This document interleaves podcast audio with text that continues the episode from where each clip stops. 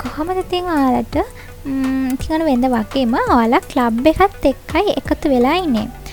ඉති වෙන්න වගේම වෙනස් වෙනස් දේවල් ගේන කලබ් එක අදත් ඔයාලට වෙනස්ම දෙයක් කරගෙන ඇවිල්ලයි තියෙන්නේ. ඉතින් මං අද ඔයාලත් එක කතා කරන්න යන්නේ හිතන දේ හැබෑ කරන විශ්වයේ නීතිය ලෝෆ් ඇටක්ෂන් ගැන.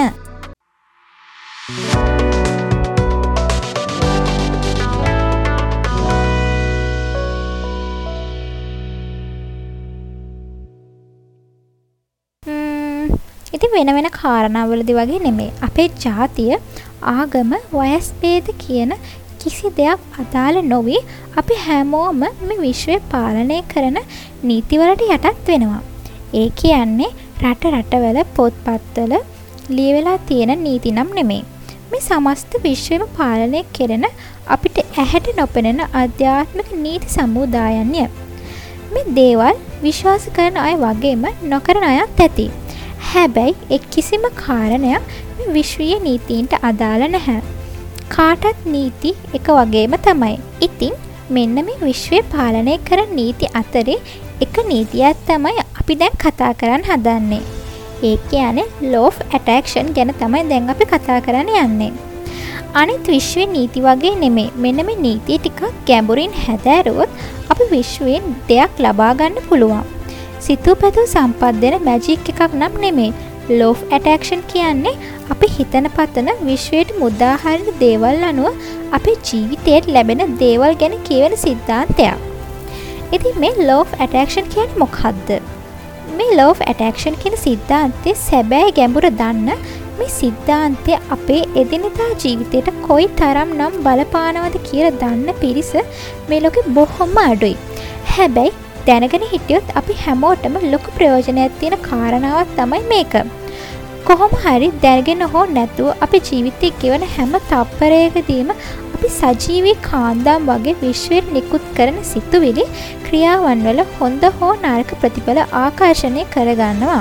මේක ටිකක් බුදුදහම යුගන්නන හේතුඵලවාදයට සමානයි.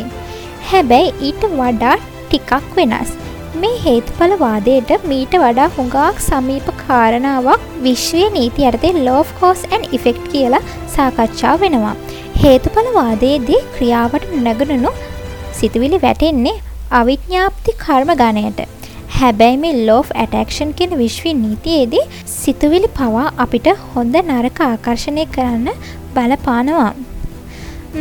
එතට මේක ඉතිහාසය ගැන කතා කරොත් මේ ලෝෆ් ඇටක්ෂන් කියන්නේ ඉතිහාසය පුරාවට හොඟක් අයගේ ජීවිත ආලෝකමත් කරපු නීතියක්. වසර දහස් ගණනක් කලින් මේ විශ්වී නීතිය ගැන මනුස වර්ගයාට උගන්නපු පළමු ශාස්තෘවරයා විදිහට සැලකෙන්නේ බුදුරජාණන් වහන්සේ. උන්වහන්සේගේ ඉගැන්වීම් අනුව අප හිතන පතන දේවල් අනුව අපි ගත කරන ජීවිතය තීරණය වෙනවා. මේ සංකල්පය බටහිර සංස්කෘතියට පැමිණීමත් එක්ක කර්මා කියන කාරණාව සංකල්පය විදිහට මුළු ලෝකයෙන් ප්‍රචලිත වෙනවා. ඒ වගේම ශුද්ධ වූ බයිබලේ as a man thinketh in his heart so is he කියන සඳහන් වෙන වාක්‍යයෙන් කියවෙන්නේ මේ සංකල්පයට හුඟක් ලගින් යන අදහසක්. එහෙම බැලූහම ආගමික ශාස්ත්‍රෘන් හුඟක් දෙනෙකුන් අනුමත කරපු දෙයක් මේ විශ්වයේ ආකර්ශණ නීතිය කියන්නේ. මේක ක්‍රියාත්මක වෙන හැටි කිව්වොත් කලිනුත් කිව්ව වගේ මේ ලෝෆ් ඇටක්ෂන් කියන නීතියේදී වෙන්නේ අපි හිතන දේ අපි ක්‍රියා කරන විදිහ කියන කාරණා විශ්වයට මුදාහැරණ එකයි. එහෙම මුදාහැරන දේවල්ල සංඛ්‍යාතයන්ට ගැලපෙන දේවල් තමයි විශ්වය අපිට පෙරලා ලැබෙන්නේ. කෙනෙකුට තියෙන ධනය බලය ප්‍රසිද්ධිය කියන කිසිම හේතුවක් නිසා මේ නීති වෙනස් වෙන්නේ නම් නැහැ. සුභවාදී ආකල්ප ක්‍රියාශීලී බව ආදරය වගේ දේවල් අපේ ජීවිතයට සුභවාදී ප්‍රතිඵල ආකර්ශණයක් කරන වගේම අසභවාදී ආකල්ප අලස බව වෛරය වගේ දේවල් අපිට නරක ප්‍රතිඵල ආකර්ශණය කරනවා. තිමෙන මෙහෙමයි ලෝෆ් ඇටක්ෂන් ගැන අප අද කතා කරේ. ඉතිං එහෙනම් මං අදට යනවා හැමෝම පරිස්සමින් ඉන්න. බයි!